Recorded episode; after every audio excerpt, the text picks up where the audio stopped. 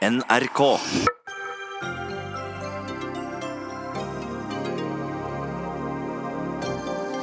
En politisk avlatshandel, sier SVs Audun Lysbakken om Norges klimaavtale med EU. Det er den mest forpliktende avtalen Norge kan inngå, svarer klima- og miljøministeren. Å la elever med lesevansker få lese 'Hei, her er Oda'. Oda liker å leke. Bidrar ikke til noe, sier litteraturvitere, men det er de som ikke har forstått noe, svarer lesebokforfatter. Nå har bilen blitt for billig i Norge, mener samfunnsøkonom i Civita, og møter Fremskrittspartiet til debatt. Og så godt som alle banker visst RBK, hei og hei og hå. Hvordan skal Midt-Norges fotballstolthet reise seg fra den dårligste seriestarten på 42 år?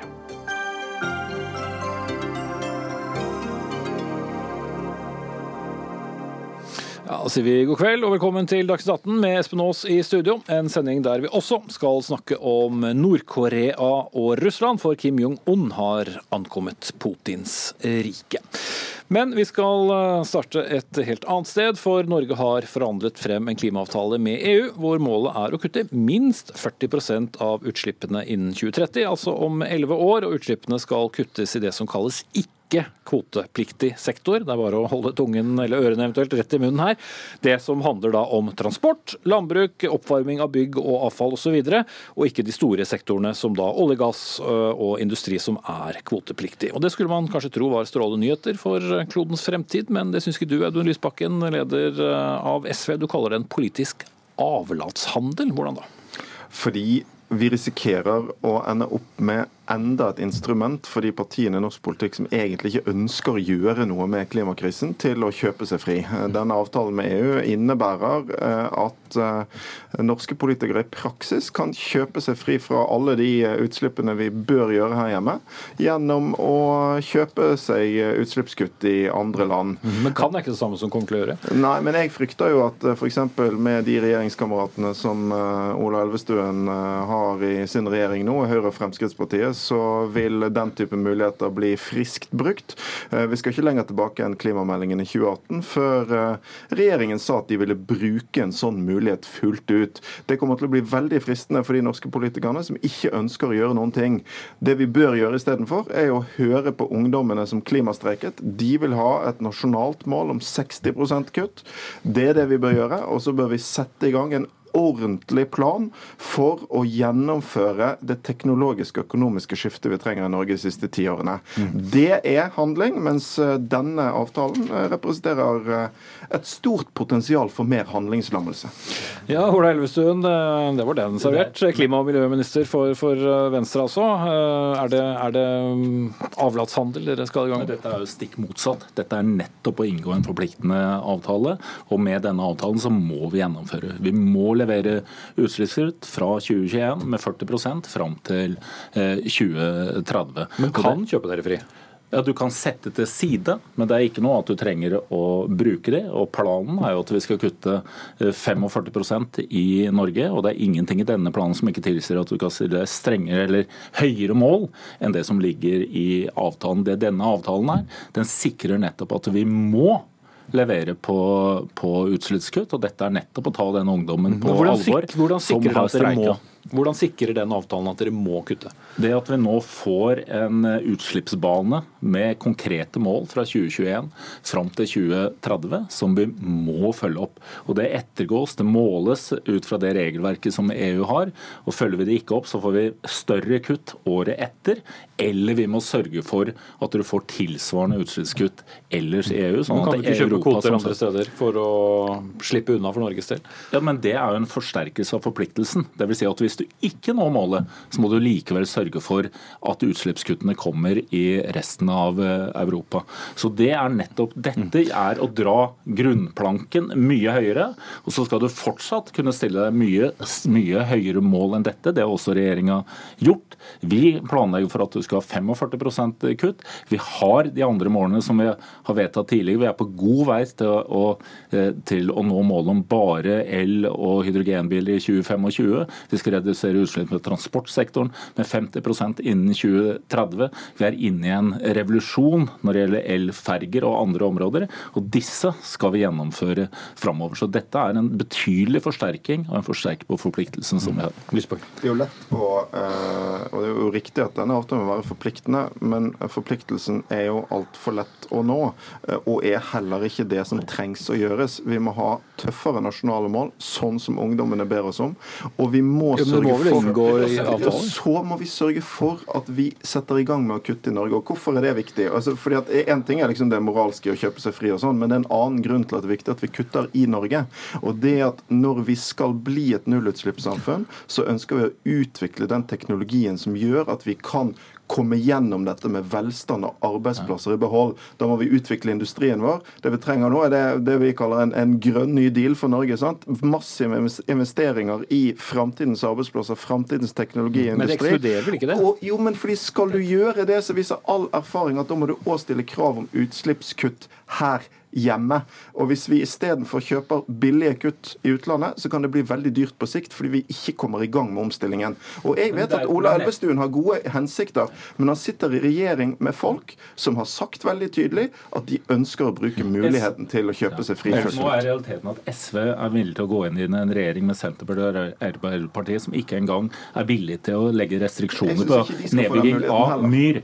Så, så SV så Høyre og Fremskrittspartiet er med på mye tøffere eh, klimabeslutninger enn det som er gjort fra rød-grønn side. Man er med på målene med nullutslippskjøretøy, bare salg av de i 2025. Man er med på reduksjon på 50 eh, innenfor eh, transport innen 2030. Vi, vi gjør ting i Norge innenfor transport som ingen andre land er i nærheten av. Og vi, skal også ha, og vi ser også at den klimapolitikken vi fører, i stadig større grad også driver en næringsutvikling. Det ser du innenfor skogsnæringa, det ser du innenfor skipsbygging, der vi også ligger helt i front på den omstilling som vi trenger å ha, både mot elektrifisering, men også bruk av hydrogen. Mm. Okay, men, Så dette er område etter område hvor vi ligger i front, og det gjør vi med dagens politikk. Erlend Hermansen, seniorforsker ved Cicero. Hva slags forpliktelser da til utslippsreduksjoner får Norge med denne avtalen? Altså, hva, hva slags avtale er dette? Ja, så uh, Dette er en, et rammeverk som gjør at Norge Eh, kommer til å samarbeide med EU for å eh, nå våre utslippsforpliktelser. Eh, det den ikke inneholder, er noen tallfesta nasjonale målsetninger. Så vi har en målsetning. Vi skal, innfri, vi skal kutte 40% innen 2030 sammenlignet med 2005. Men det står ikke hvor mye av det som skal tas i Norge. Så du kan si det er et rammeverk med en sikkerhetsventil. Mm. Som er, handler om å kunne kjøpe, kjøpe seg bedre samvittighet hvis man ikke som, opp Som handler om å innfri forpliktelsene sine hvis ikke man uh, når det sjøl. Og I Granavolden-plattformen så står det jo at man vil benytte seg av den muligheten hvis det blir strengt nødvendig.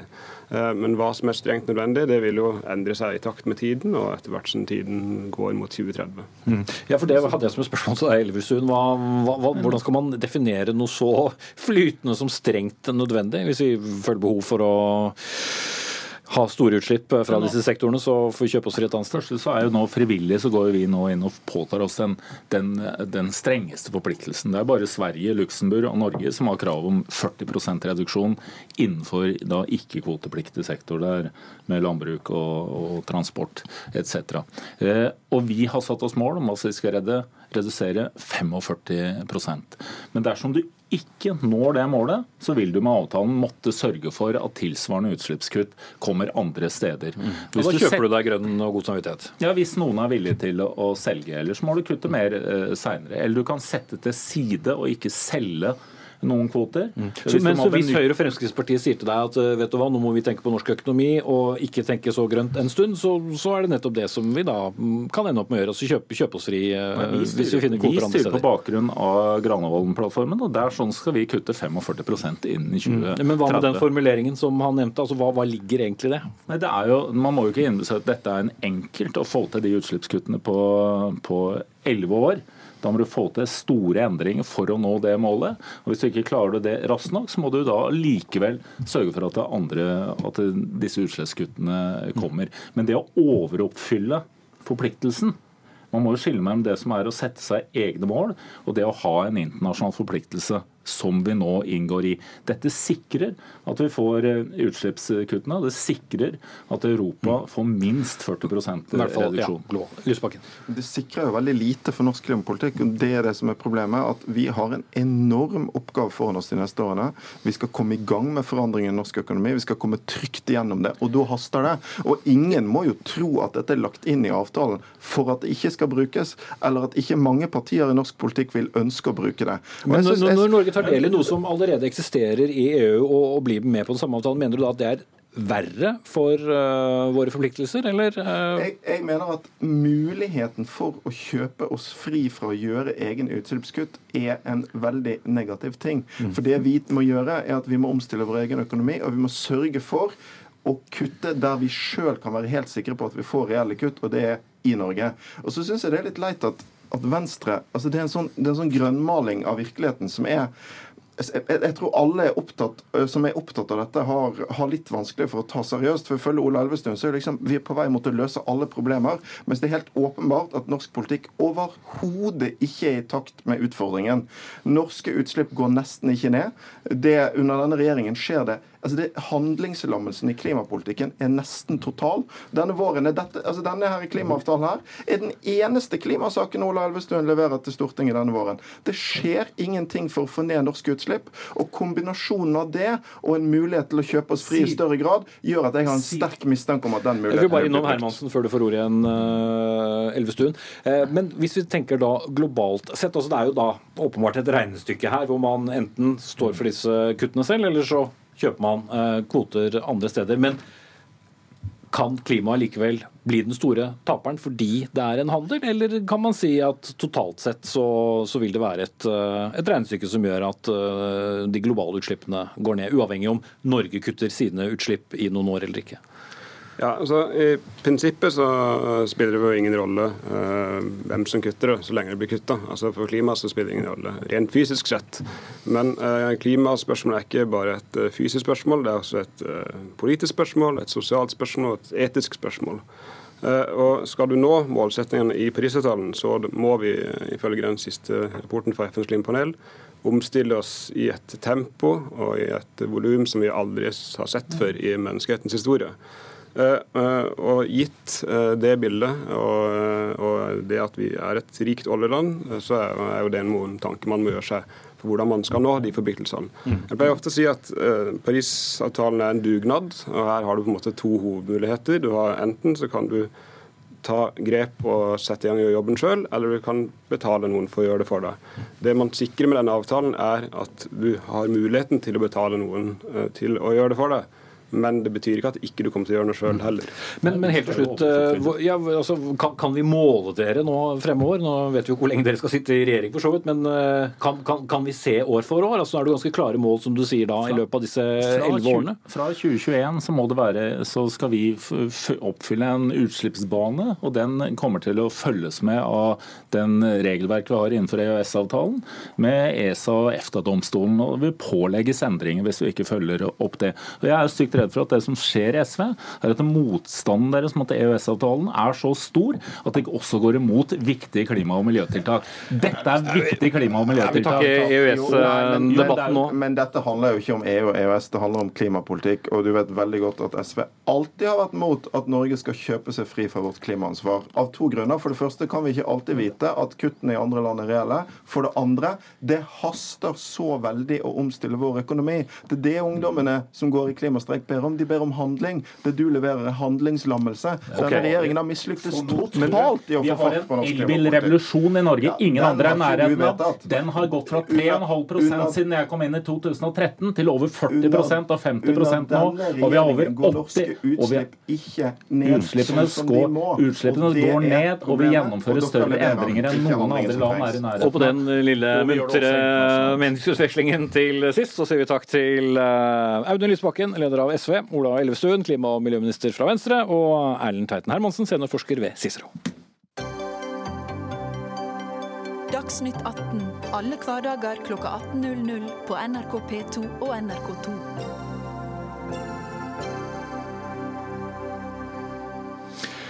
Lytt til eh, følgende setninger. Hei, her er eh, Oda Oda liker å leke. Oda liker å leke med apen sin. Oda liker å leke ute. Oda liker å leke inne. Oda liker å leke både inne og ute. Ja, Det er én type eksempel på tekster som barn som sliter med å lese, blir tilbudt gjennom det som heter lesehefter, som skal gjøre dem flinkere. Skal lese disse setningene et kvarter hver dag.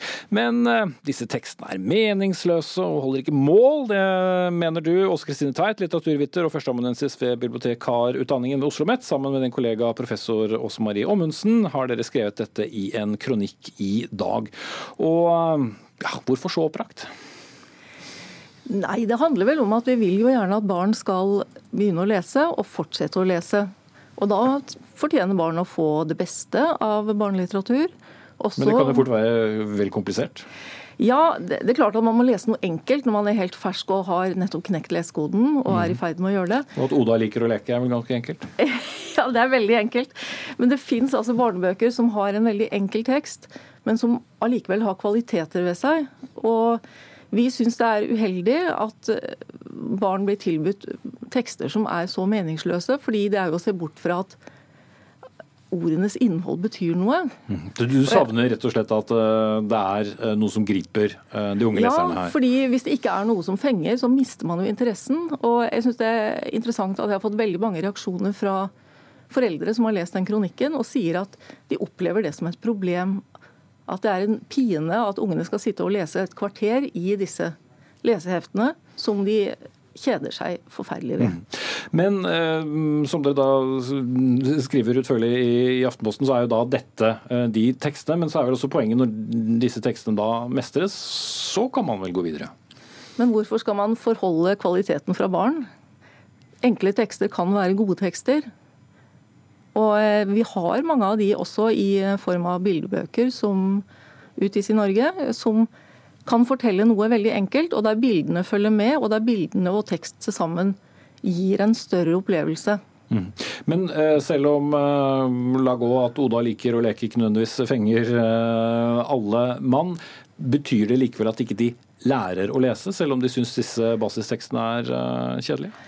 Ja, da er det både internasjonal og norsk forskning som viser at motivasjon er en grunnleggende viktig faktor for å utvikle leseferdighet og leselyst, for de to tingene henger sammen. Og hvis fengingen ikke er der, så mister man jo interessen. Og jeg syns at det er for gæli. At, at, man skal miste leseinteressen når man akkurat er i starten av det. Mm. Ja. Odd eh, Haugstad, du er utdannet eh, logoped med embetseksamen i pedagogikk, og er forfatter da av en rekke lesebøker eh, som, som du gir ut på eget forlag. Hva sier du om at disse tekstene er så, så kjedelige at det kreves en kraftanstrengelse for å komme gjennom dem?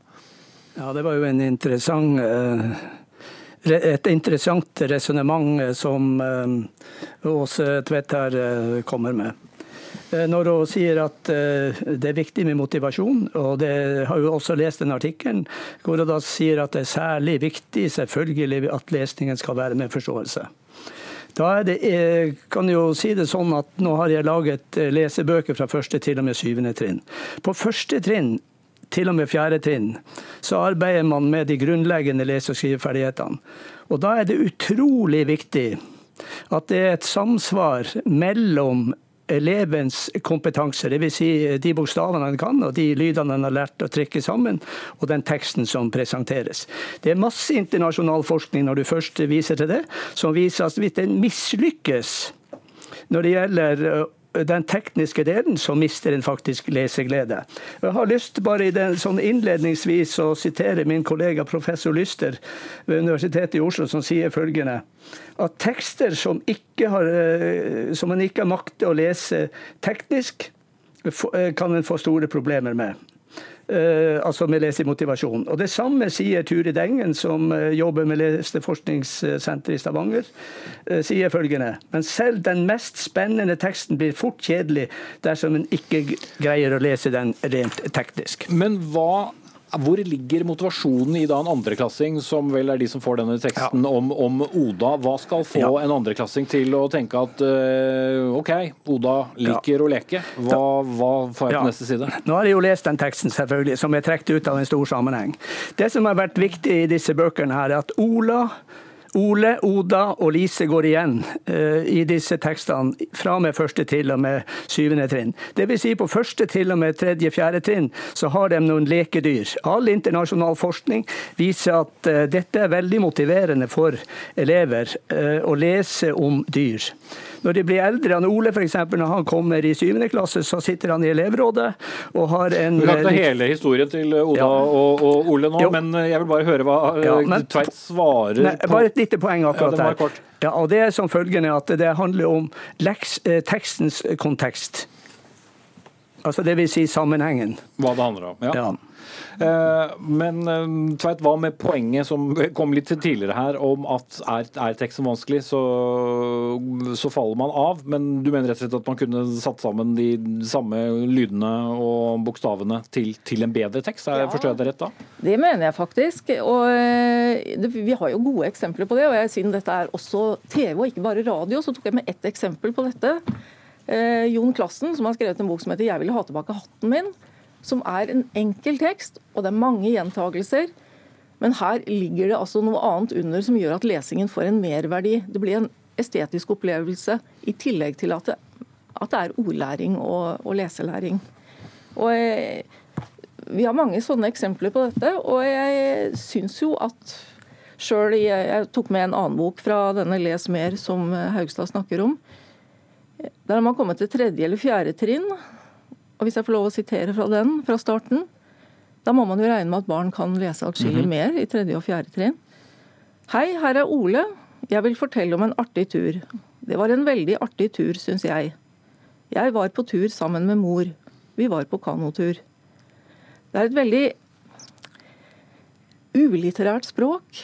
Og jeg tenker at det er ikke, det er ikke dette som gir en interesse for å lese. De, med de ordene her så kunne man laget en annen en annen fortelling, og det finnes jo gode forfattere som faktisk gjør det. Men eh, ja, eh, Haugstad, er du uenig i at man kunne, for å bruke en populær term, sprittet opp Nei. disse tekstene nå? Nei, altså det, det, vil jo være utrolig feigt av meg å si at det ikke går an å jobbe videre med disse tekstene.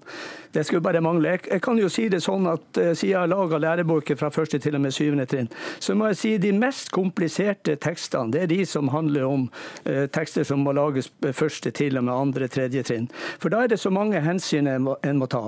Det viser seg nemlig, det er en stor eh, forskningsprosjekt som er gjort her i Østfold en doktoravhandling som viser at 85% av elevene som begynner i første klasse, og det var det syvåringene, det var, det var før Kunnskapsløftet, 85% av disse elevene kunne ikke lese fra før. Og Hvis en da starter med kompliserte tekster, sånn som vi hadde på 90-tallet, for da var jeg nemlig leder i PP-tjenesten her i distriktet her. Og Da møtte jeg veldig mange gråtende foreldre som kom til meg og sa at de kan ikke lese. Nei, sa det har overhodet ikke med din, din, datters eller sønns ferdigheter å lese, det har noe med tekstene er altfor vanskelig. Heldigvis så forsvant disse bøkene etter hvert. Altså, Vi har to uh, hovedlesestrategier når det gjelder begynnerlesing. Det er lydmetoden og ordbildemetoden. Ja, du kan ikke gå inn i all den Nei. metodikken, for denne reisen med Oda, Ole og de andre har faktisk uh, brakt oss til, til siste kapittel i denne diskusjonen, i, i hvert fall. men at uh, det er eh, sterke meninger om, om, tekstene, har vi i hvert fall fått frem. Takk skal du ha, Odd Haugstad, eh, som er forfatter av flere bøker, og også Kristine Tveit, litteraturviter og førsteamanuensis ved bibliotekarutdanningen ved Oslo OsloMet, og også medfatter av kronikken i Aftenposten i dag.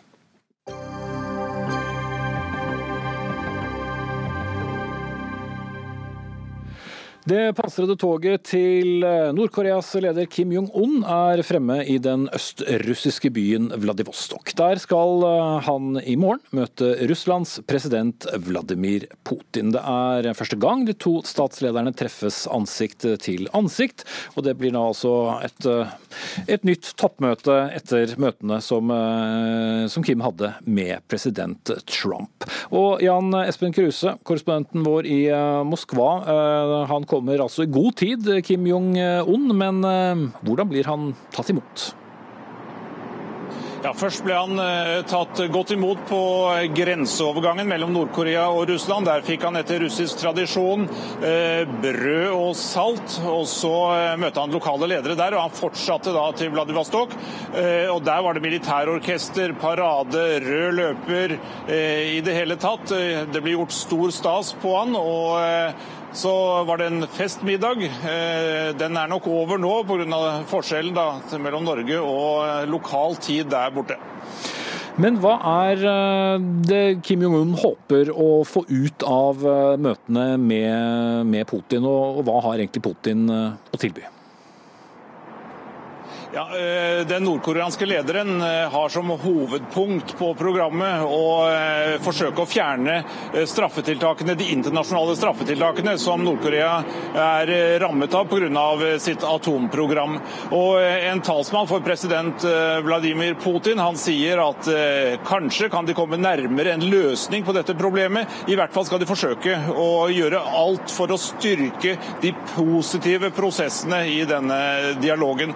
Og det møtet mellom eh, USAs president eh, Donald Trump og den nordkoreanske lederen det ble jo en eh, fiasko. Og Nå vil helt sikkert Putin da forsøke å vise at han kanskje også kan være en viktig spiller i denne internasjonale konflikten. Mm. Øystein Tunsjø, du er professor ved Institutt for forsvarsstudier, Senter for asiatisk sikkerhetsstudier. Hva slags forhold har Russland og Nord-Korea? Hvis vi går tilbake i tid, så husker vi jo Sovjet eh, og Nord-Korea i hvert fall var eh, ideologisk bundet. Men disse to har jo ikke møttes eh, tidligere. Nei, det stemmer. Tradisjonelt så hadde Sovjetunionen tette bånd til Nord-Korea. Men men eh, i de siste årene, og da særlig under Kim Jong-un, så, så, har det vært vanskelig eh, for, eh, for, Russland å opprettholde dette forholdet til Nord-Korea. Hvorfor det? Nei, altså, Russland var en del av sekspartsforhandlingene som kollapsa i ja, nøyaktig ti år siden, mer eller mindre, i april 2009. Og Etter det så har ikke Russland hatt en sentral rolle i å prøve å løse Nord-Korea-problematikken. Men har Putin sånn sett noe å hente ved å forbedre forholdet til eh, Nord-Korea, utover at de selvfølgelig er naboer? Jeg tror at det Putin har å hente her, er eh, Og det ser vi jo litt av den reportasjen, tror jeg, og det vi se mer av det i morgen. Men eh, dette med status og prestisje tror jeg er viktig for Russland. At Russland her viser at de er en sentral og viktig aktør for å løse et problem som er på en måte veldig viktig for, for hele verdenssamfunnet, mm. Eh, og som amerikanerne ikke har klart å løse. Eh, jeg har ikke noe tro på at Russland vil kunne løse det, men det at de prøver å signalisere at de er en viktig aktør i dette spørsmålet, det har mye å si for russisk status og prestisje. Mm. Men det at eh, Russlands president da søker mot en av verdens mest beryktede diktatorer, kan vel ikke bare være positivt? Nei, han, jeg tror ikke han direkte søker mot ham, men han prøver å spille seg ut som en viktig aktør i dette spørsmålet. Og som de var inne på i reportasjen også, dette med sanksjonene er jo veldig sentralt. Og det tror jeg eh, Kim Jong-un håper å få litt lettelse i. Altså noen eh, om det gjelder eh, nordkoreanske arbeidere, eller når det gjelder litt energi, olje, den type ting. Men for Russland så er det veldig vanskelig, fordi de vil undergrave sin rolle som en vetomakt i FNs eh, sikkerhetsråd hvis de nå begynner å lette på noen sanksjoner, og det vil på en måte føre til storm blant de andre vetomaktene i Sikkerhetsrådet. Mm. Eh, tilbake igjen til deg, eh, Jan Espen Kruse i Moskva. Hva slags bilde er det som tegnes av dette toppmøtet da i, i russiske medier? og ja, hva, hva, slags bilde tegnes generelt av, av Nord-Korea i Russland? Nei, Det har blitt vist veldig masse på TV i dag. Alle medier her har eh, omtalt dette besøket. Naturligvis eh, både fordi det er Putin som er den eh, sentrale verten i morgen. Men eh, også russerne ser jo eh, på Nord-Korea med en viss nysgjerrighet. Dette pansrede toget som kom over grensa, og som man måtte utbedre stasjonen i Vladivostok for å kunne ta imot alt dette her. Det er jo en helt annen kultur og en helt annen måte å oppføre seg på. Så det er veldig, veldig stor oppmerksomhet rundt møtet som da finner sted i, i, morgen, men det pågår jo faktisk i tre dager. Eh, Kim Jong-un sier at han eh, har gledet seg til å få komme til Russland omsider, og eh, vil også bedre det tosidige forholdet mellom disse to landene. Det er jo snakk om, om investeringer fra russisk side. Russland forsyner landet med elektrisk kraft, og det er også snakk om å forbedre infrastruktur, jernbane og veier, også industri. Til slutt, eh, slutt Tunsjø. Tunnsjø, hvis da ikke Kim Jong-un heller får noe ut av dette toppmøtet, så er det kanskje ikke så mange steder igjen å vende seg? Det stemmer, eh, men samtidig så har han vist at eh, Han har vist form for eh, eh, hva skal vi si? Eh, Han har vært en aktiv eh, diplomatisk aktør. Han har skaffet seg mer handlingsrom eh, ved å trekke Russland inn i dette spørsmålet. Jeg har ingen tro på at Russland kan, eh, kan løse noe som helst her. Eh, Og jeg tror innerst inne at Kim Jong-un også forstår det. Men, men igjen så viser han at det er ikke bare USA, Sør-Korea og Kina han må forholde seg til. Han kan også trekke på andre aktører. og det, det er viktig i seg selv. Vi får se hvordan det går. Møtet var altså tre dager til ende i Vladivostok, som for øvrig betyr 'behersk Østen'. Takk til Øystein Tunnsjø, professor ved Institutt for forsvarsstudier, og vår egen korrespondent Jan Espen Kruse fra Moskva.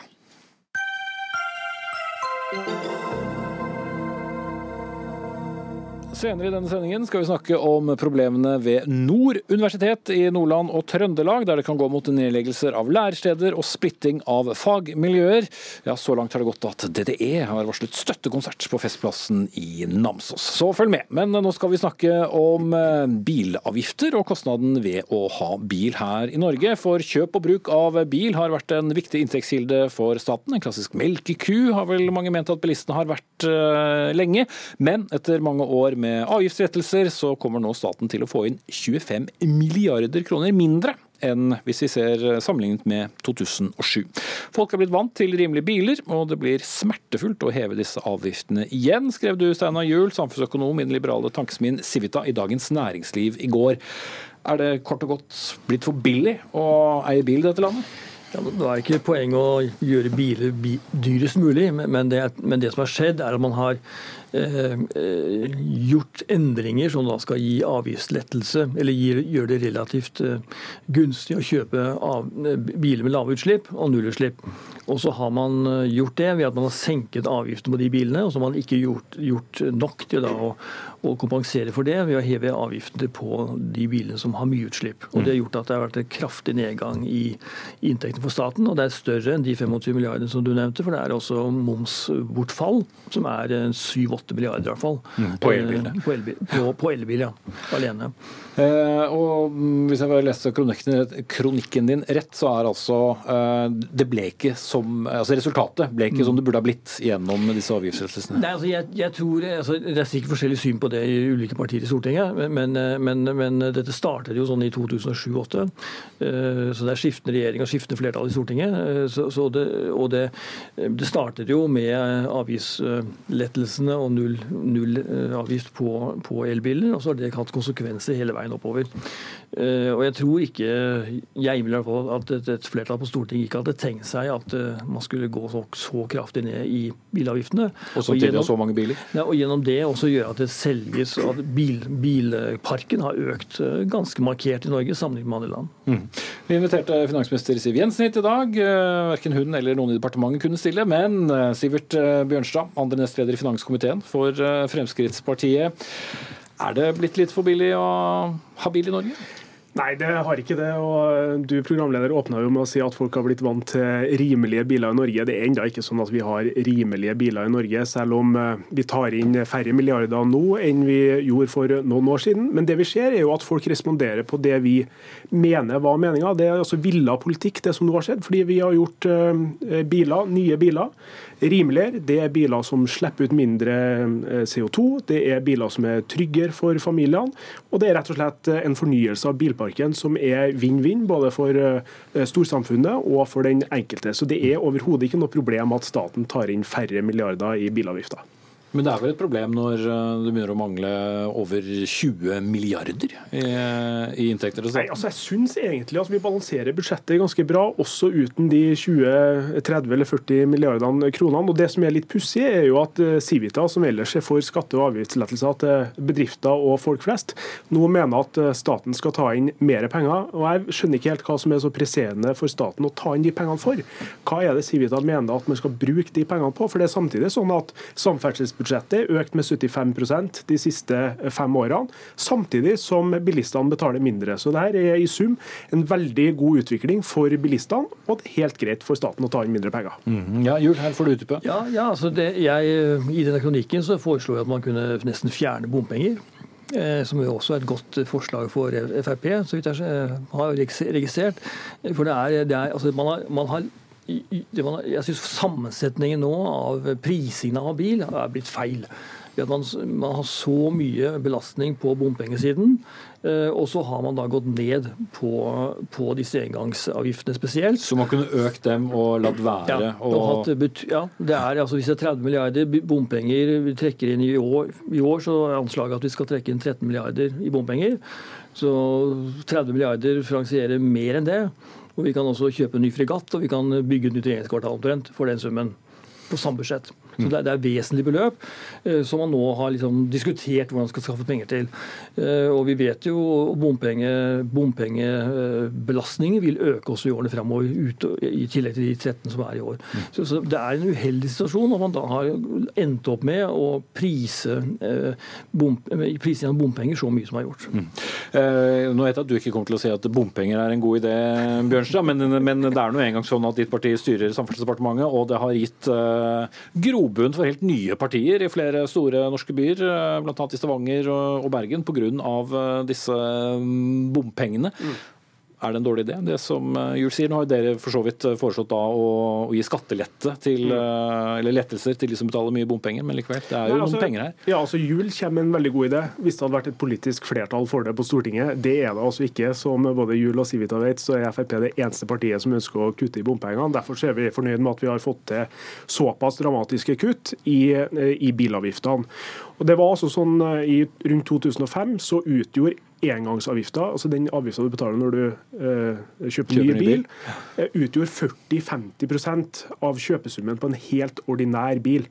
Eh, nå når det er redusert med omtrent 40% så ligger vi fortsatt ganske høyt i Europa. Men eh, bilparken fornyes, og folk får mulighet og råd til å kjøpe nyere biler, som er bra for trafikksikkerheten, som er bra for utslippene. Jo, jo, det sa du i sted også, og det er vel for så vidt ingen uenig men poenget til jul er vel også at når noe forsvinner på inntektssiden, så må det tas et annet sted fra. Det er ikke sånn at vi får noen friske penger eh, fra noe annet sted fordi om vi reduserer avgiftene på, på bil. Men, men det er jo sånn at økninga i bompenger de siste årene er jo langt lavere enn avgiftsreduksjonen på bil. Så i sum så er jo bilistene vinnerne her, og staten er taperen. Og jeg lever godt med at staten er taper. Jeg mener at staten eh, allerede i dag er for stor at man kunne ha brukt litt mindre penger enn man jo, gjør i dag. Jo, Men vi er jo alle avhengige av staten, så jo, staten jo. driver jo ikke først og fremst stat for seg selv, den driver Nei, for uh, alle oss. Det er riktig det, men vi balanserer altså fortsatt budsjettet med 20-30 milliarder mindre. Det jeg mener at bør bli en diskusjon i årene framover, er jo moms på elbil. Da man eh, kom fram til klimaforliket, så sa man at eh, avgiftsfordelene for elbil skulle fredes fram til man nådde 50 000 biler. Nå har man nådd eh, over 200 000 biler. Det er sånn at Elbiler topper nybilsalget de siste, siste månedene, så elbilsalget står nå på egne bein. Og De 7 milliardene man kunne ha tatt inn på moms på elbiler, det kunne ha gått til å redusere bompenger. Det er jeg enig med, med Sivitai. Mm, ja, det, altså Utskifting av bilparken det først, altså det, er, det, som foregår er ikke en utskifting av bilparken, men en økning i bilparken. Fordi Skal det være utskifting, så måtte man også sett at uh, vrakingen tok, tok, seg opp. At man vraker biler tidligere. og Det skjer det er ingenting som tyder på det i den statistikken vi har.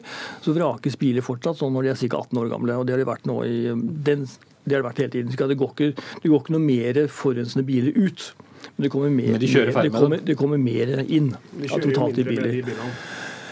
Ja, muligens man gjør det. Men, men det, blir, det, blir, mer belastning på veiene. så man får mer biler. I Totalt får man mer biler. Og det, det, Mitt inntrykk er at det har ikke vært en intensjon. Man her, i hvert fall i flertall på Stortinget. Det er noen mulig at Fremskrittspartiet har hatt det som mål, men, men, men, det har ikke vært en intensjon at det skulle skje. Men hvis man legger på den momsen, bare for å ta det regnestykket som dere forsøkt begge snakker om, legger på momsen på elbilen igjen, så kom det jo en rapport da fra Transportøkonomisk eh, institutt tidligere i år som mente da at det først og fremst ville gå utover elbilsalget, og ikke få da denne eh, andre eh, effekten. Ja, altså det, det, si, man, det, er vanskelig å gjøre noe hvis man skal ha den vridningen og nå dette målet om å ha nullutslippsbiler, bare selge nullutslippsbiler i 2025. Uh, så er det vanskelig å, redus, å, å redusere avstanden avgiftsmessig. Så da måtte man liksom økt avgiftene på de andre bilene også, slik at det, det relative ble stående likt. At, at fortsatt ville elbiler fremstå som gunstigere å kjøpe. Og Mitt poeng er at det, det, det, er det man burde ha tenkt på fra starten av. Eh, fordi det er, det er veldig vanskelig å reversere en situasjon når, når folk har vent seg til at avgiftsnivået er lavt, og så begynner de å introdusere dette igjen, som, som for så vidt antydes i regjeringserklæring eller regjeringsplattformen at det skal gjøres. Man skal sette et utvalg som skal se på en fremtidig bærekraftig bilavgiftspolitikk. Sånn står det. Så det, er det Høres ut som noe fra et regjeringsnotat. Men, men, men, jeg må få av, avlive én myte litt. Det sies at det har blitt så voldsomt mye mer biler i Norge. Men det er altså sånn at snittet i Europa er 505 biler per 1000 innbygger. I Norge så har vi 506 biler. Jo, med sammenligner vel med oss selv fra tidligere? Jo, jo, men vi ligger helt på snittet i Europa. og sammenlignbare land, eh, Tyskland, Østerrike, Italia, med spredt bosetning og mye fjell, ligger altså vesentlig ja, høyere enn Norge. Tyskland er bilene liksom jo, men det er ikke Østerrike, og det er ikke Italia. Jo, okay, jeg må sette strek. Jeg tror i hvert fall ikke vi får noen protestaksjoner eh, mot at eh, bilene er for billige her i landet med, med det første, men uh, regnestykkene er altså som de er. Takk til Steinar Juel, samfunnsøkonom i Civita, og Sivert Bjørnstad, andre nestleder i finanskomiteen fra partiet Fremskrittspartiet. Hør Dagsnytt 18 når du vil. Radio NRK Radio.nrk.no.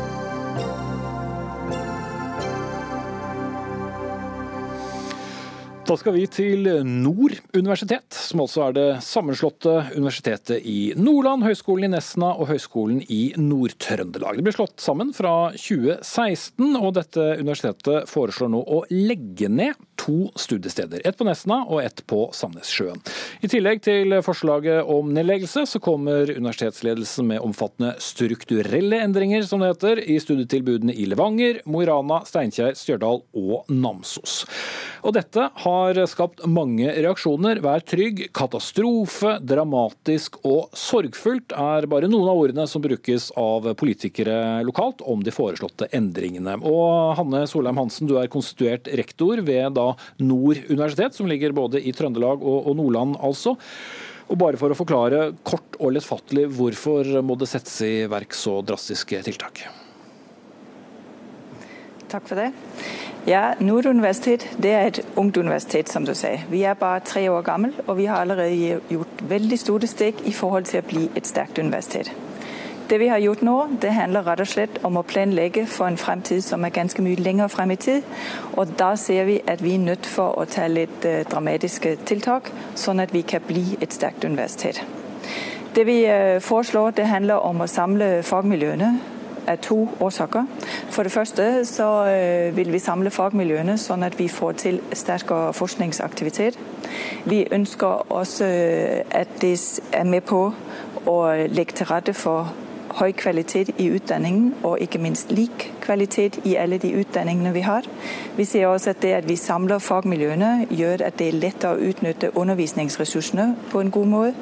Og sist, men ikke minst, så er det mulig for oss å vri en del av ressursbruken fra infrastruktur til faglig aktivitet. Mm. Derfor har vi lagt frem i dag et forslag mm. forslag som skal til styret for en behandling i neste uke. Ja. Eh, men Betyr det du sier at den strukturen som er i dette, denne konstruksjonen da, som ble til Universitetet i nord, ikke var bærekraftig i utgangspunktet? Altså Man kunne ikke spre universitetet over så mange steder som det det når vi ble etablert som Nord universitet, så var det som du sier, en sammenslåing av tre tidligere institusjoner. I den tid og under de betingelser så fungerte det. Nå har vi strengere krav til at det er forskningsmiljø bak alle utdanningene som vi har, og det krever en helt annen konsentrasjon og forskningsutvikling bak hver eneste program, og det stiller nye krav til oss. Mm. En av de som har reagert veldig på dette, er deg, Tore O. Sandvik, som er fylkesmann i Trøndelag for Arbeiderpartiet. og Du sier at dette både er dramatisk og fullstendig uakseptabelt. Men eh, nå har jo eh, det blitt forklart hvorfor det må være sånn. Det er ikke bærekraftig å ha den strukturen. Så det er vel det klokeste å samle eh, miljøene, slik som også ble gjort i Trondheim sin tid. Eh, For det første så er jeg jo fylkesordfører og ikke fylkesmann. men klart det her- fylkesordfører, selvsagt. Men klart det her er, er dramatisk. Altså, eh, det som var Høgskolen i Nord-Trøndelag, hadde en funksjon, og det var en grunn til at den eksisterte på den måten den gjorde. Et sterkt samarbeid med omlandet, i tillegg til å drive akademisk utdanning, har jo gjort at eh, vi har greid, vi har greid å utvikle norddelen av Trøndelag eh, i god måte. Det er høy sysselsettingsgrad der, det er god økonomi, vi bidrar sterkt til verdiskapinga i landet, og vi sørger for at det er god kompetanse inn i velferdsproduksjon, som f.eks. sykehus og kommunesektoren. Det er skrikende mangel på sykepleiere. eh, Og vi vet også at de som studerer innenfor høyere utdanning, de bosetter seg ofte også i nærheten av Det er i hvert fall lettere å få dem til å bosette seg i nærheten av de institusjonene. Så når man nå, etter å ha slått seg sammen med eh, Universitetet i Nordland, eh, opplever at man går bort fra det som var lovnadene den gang, og, de, og begynner å legge ned eh, da, utdanninga i Namsos, som vil være svært dramatisk og vil ha en følgefeil knytta til at sykehuset også settes i fare. At man da årelater Steinkjer og campus på Steinkjer, og da skal fjerne utdanninga fra teaterutdanninga fra Verdalen, der det er bygd opp et nært samarbeid eh, sammen med kulturmiljøene og teatersatsinga på Verdalen så er det rett og slett brudd på alle forutsetningene. Og, og, det er også brudd på det som var hele ideen bak de her desentraliserte høyskolene når de ble etablert. Det svekker kompetanseutviklinga i Trøndelag. Det gjør det vanskeligere å utvikle verdiskapende næringer og opprettholde bosetting eh, i de områdene som er helt avhengige av denne kompetansen. Og Det skjer bl.a. fordi at man har laga seg en sånn skrullete regel om at man er nødt til å ha minst fire doktorgradsprogram, som, som Norge er det eneste som holder seg med eh, som regel i hele Europa knytta til universitetet. Hadde de f.eks. slått seg sammen med NTNU, så ville de her eh, utdanningene kunne fortsatt eh, på de områdene på samme måte, uten dette kravet til doktorgrader. For da ville NTNU ha dekket opp doktorgradene som eh, doktorgradsprogrammene som man forlanger. Men slik er det altså ikke. Det er spredt på begge sider av fylkesgrensene. Iselin Nybø, forsknings- og høyere utdanningsminister for Venstre. Klarer dette også om en struktur som ikke var ment å overleve?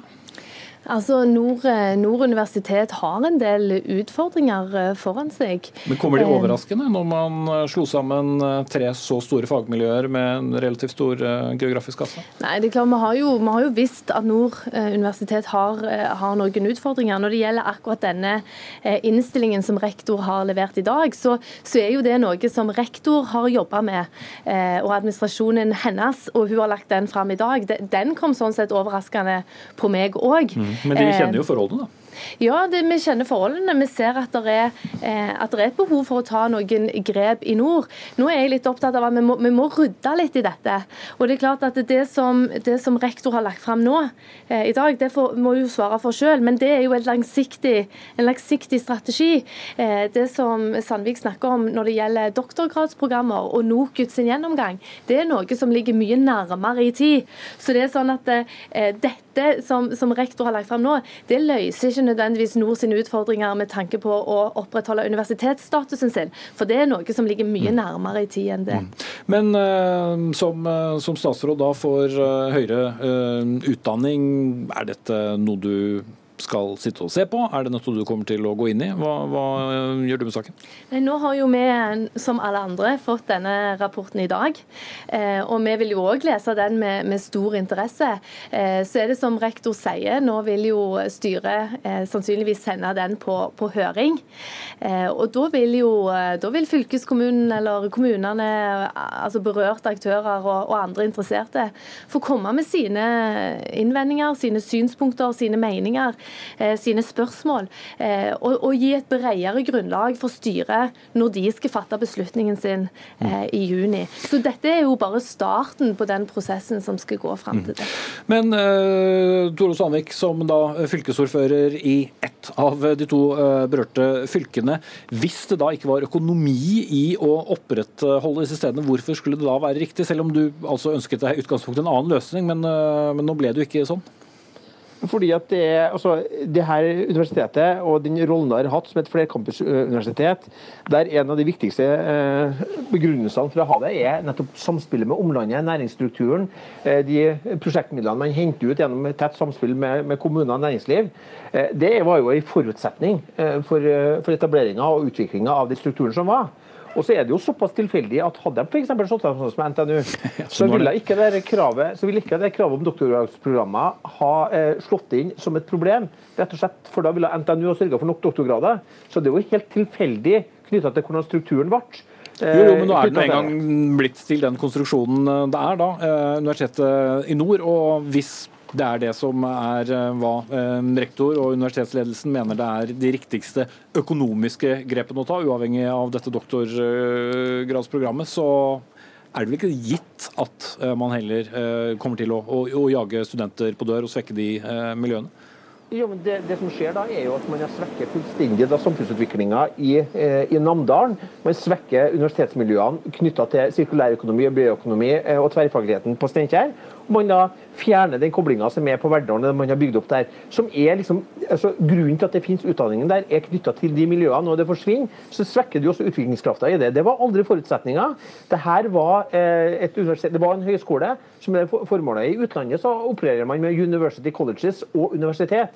I Norge så har man jo laga universitet av alt, og så har man laga en finansieringsmodell som nå slår grunnen under den typen universitet som Nord universitet skal være, med noen sterke fagmiljøer som selvfølgelig er også internasjonalt ledende, og som kan ha doktorgradsprogrammer. Men du kan ikke gjøre det på bekostning av å legge ned det behovet som du fyller knytta til de høyskolefunksjonene som var. Og Vi ønsker ikke å gå tilbake til høyskole, vi ønsker at man skal bygge opp akademisk kompetanse. Men man kan ikke da ødelegge de samfunnene man er etablert i, eh, for, fordi at man da skal eh, ha en kortsiktig gevinst knytta til struktur og hente ut den. Mm. Eh, Hanne Solheim Hansen, jeg vil bare kort tilbake til deg også. Dette har kommet som en overraskelse på mange, og som sagt mange, mange reaksjoner. Men hva sier du da til, til disse kommunene som ja, føler at de eh, ble fortalt om, eh, om helt andre ting enn, eh, enn det du nå legger frem til, og som da mister både arbeidsplasser og, og viktige miljøer. Ja. Vi har behov for å utvikle Nord universitet sånn at vi leverer høy kvalitet både på den forskning vi holder på med, men også på de kandidatene som vi leverer fra oss, for å si det sånn. Og Det fortjener både regionen og Nord universitet at vi får så høy kvalitet i alle de delene vi holder på med som vi overhodet kan.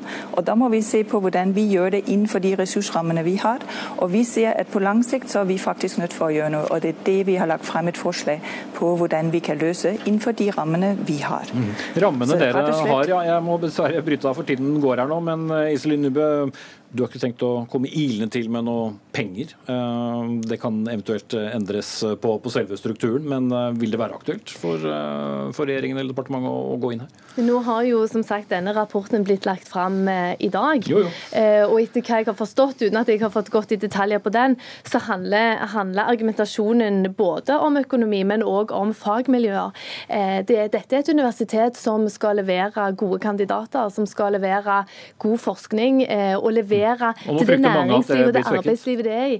Og Det er akkurat disse argumentene som nå må på bordet. For nå vil rektor altså Nå er det jo rektor sin innstilling som skal ut på høring, og det er jo i denne fasen vi må få akkurat de argumentene på bordet, sånn at styret, når de skal fatte en beslutning, har et bredt grunnlag å gjøre det på. For de skal fylle sitt samfunnsoppdrag. Og det handler om å levere gode kandidater til arbeidslivet og næringslivet i regionen, og god forskning eh, til, til næringslivet og mm. Mange følelser og mange innspill vil nok eh, komme, og blant eh, reaksjonene som har kommet i dag, er at eh, bandet DDE har varslet støttekonsert på Festplassen i Namsos. De synes ikke det går likere nå, for å si det sånn. Takk til Iselin Nybø, forsknings- og høyere utdanningsminister for Venstre, Tore Sandvik, fylkesordfører i Trøndelag fra Arbeiderpartiet, og Hanne Solheim Hansen, konstituert rektor ved Nord universitet.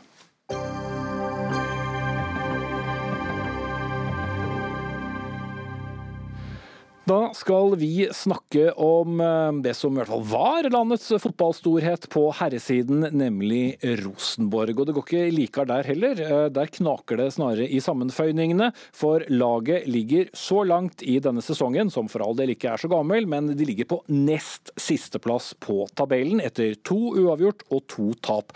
Og så dårlig har ikke de startet noen sesong siden 1977.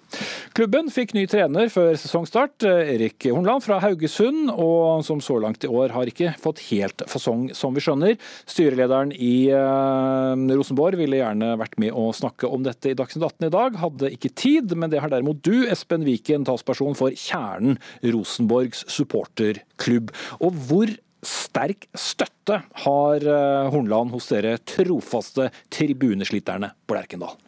Du, Jeg tror først jeg må få lov å si noe om smerten. For det å ligge nest sist på tabellen, det er direkte vondt, og det er pinlig. Du er direkte og, vant til det? eh, Nei, det er lidelse. De fleste klubbene, fotballklubbene i Norge og Europa er jo vant til at det går opp og ned, men vi er jo ikke det i Trøndelag. Vi, er, vi har vært heldige og vi er bortskjemt, eh, så for oss er det ekstremt smertefullt. Men det skjønner vi. Hvorfor har det blitt sånn? Nei, Jeg tror nok vi står ved et veikryss. Eh, Jeg tror at eh, ja, Nå har jo en Leif, eh, som skaper om litt, skrevet litt om den Leif her Welhaven i VG, ja. evalueringsrapporten fra Samfunnsforskning. og Jeg tror den kommer til å vise ganske tydelig at spillerne og laget var på feil kurs. Og jeg tror det er det vi har litt etterdønninger fra, pluss at vi har en del samkjøringsproblemer. Og så er det jo ingen av oss som har fasit. Det kan jo til sjuende og sist vise seg når vi teller opp at eh, Eirik Horneland og Karl Oskar Embeland ikke ble de rettene. Men det er altfor tidlig å si akkurat det ennå. Ja, Leif Elhaven, der fikk du din uh, introduksjon. Du er altså sportskommentator uh, i VG, og har vel strengt tatt ikke gitt Hornland så mye sjanse, og skriver at det hele fremstår som sitat, gjennomført hjelpeløst. Er det så ille? Altså, det er i hvert fall inntrykket så langt. Nå er det selvfølgelig riktig at vi er tidlig i sesongen, og det kan meget vel være at Horneland vil vise seg å bli en strålende Rosenborg-trener. Men vi må huske på at altså, det er et bakteppe her altså, hvor Rosenborg sparket en trenerduo som hadde oppnådd eh, resultater midt eh, i forrige sesong, med veldig svulstige ord om eh, hvilken utvikling man ikke hadde sett, og hvor man skulle etablere seg. Og kontrasten mellom ambisjonene som ble uttalt da, og hva man har sett ikke bare nå altså i de første seriekampene, men også gjennom eh, vinteren, tyder altså i, hvert, i hvert fall på at det har vært en helt eh, grusom start under Horneland. Og jeg savner vel fra Rosenborgs ledelse en sånn ordentlig begrunnelse for hvorfor dette prosjektet og disse ideene og disse visjonene som han står for, er det man som har tro på at skal eh, ta klubben tilbake til, eh, til fordums eh, storhet. Og Foreløpig, den empirien vi har så langt, tyder i hvert fall ikke på at det er veldig positive ting på gang. og Så får vi jo selvfølgelig se hva fremtiden, bringer. Men det er all grunn til å stille spørsmål rundt en rekke valg som er tatt i, av Rosenborgs ledelse, som jeg syns de i altfor liten grad har evnet å begrunne i offentligheten. og Det er også da synd at de altså da lukker en eh, evalueringsrapport som kanskje hadde kunnet kastet mer eh, bedre lys over forhold vi gjerne skulle hatt bedre svar på. Ja, og nettopp det har jo blitt uh, kritisert her. Eh, Viken, uh, er du enig i, i kritikken at uh, ledelsen i, i Rosenborg burde vært mer åpne om det som skjer? Eh, Jeg er litt svak på akkurat det med å være åpen og tydelig nok. Og ha en framstilling som vi som følger med, eh, kan forstå og kan eh, ha trua på. Jeg syns ikke Rosenborg ennå har funnet den åpenhetsformelen som Nils Arne var helt magisk med på 90-tallet. Mm. Eh, Så det er òg en greie de er nødt til å finne ut av. Så det er flere ting her som er viktig for en klubb som har ambisjoner om å være Norges eh, eh, pådriver på fotball herresida. Mm. Eh, Welhaven, eh, det er som nevnt eh, det er, blitt fire kamper, og det er, det er mange igjen. Men hvor lang tid og hvor mange sjansker, sjanser bør Horneland få på seg til å, å vise at han er rett mann?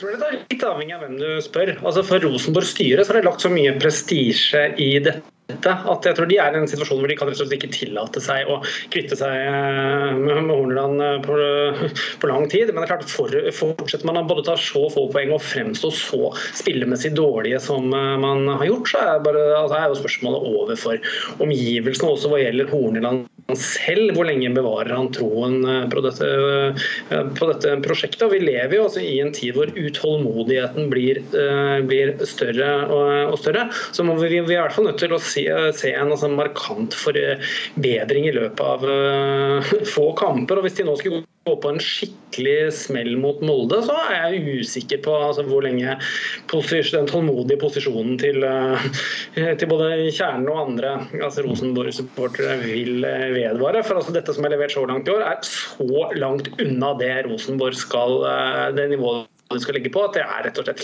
helt, helt, helt uakseptabelt. Jeg får sette strekk der. Takk skal du ha, Leif Elhaven, sportskommentator i VG. Og en liten fattig trøst til deg, Espen Viken i Kjernen, får være at dere fortsatt er størst i Trondheim, for Ranheim ligger da som eneste under dere på tabellen så langt. Ansvarlig for denne sendingen, det var eh, Dag Dørum. Teknisk ansvarlig var Erik Sandbråten. Jeg heter Espen Aas. Dagsnytt 18 er tilbake igjen i morgen.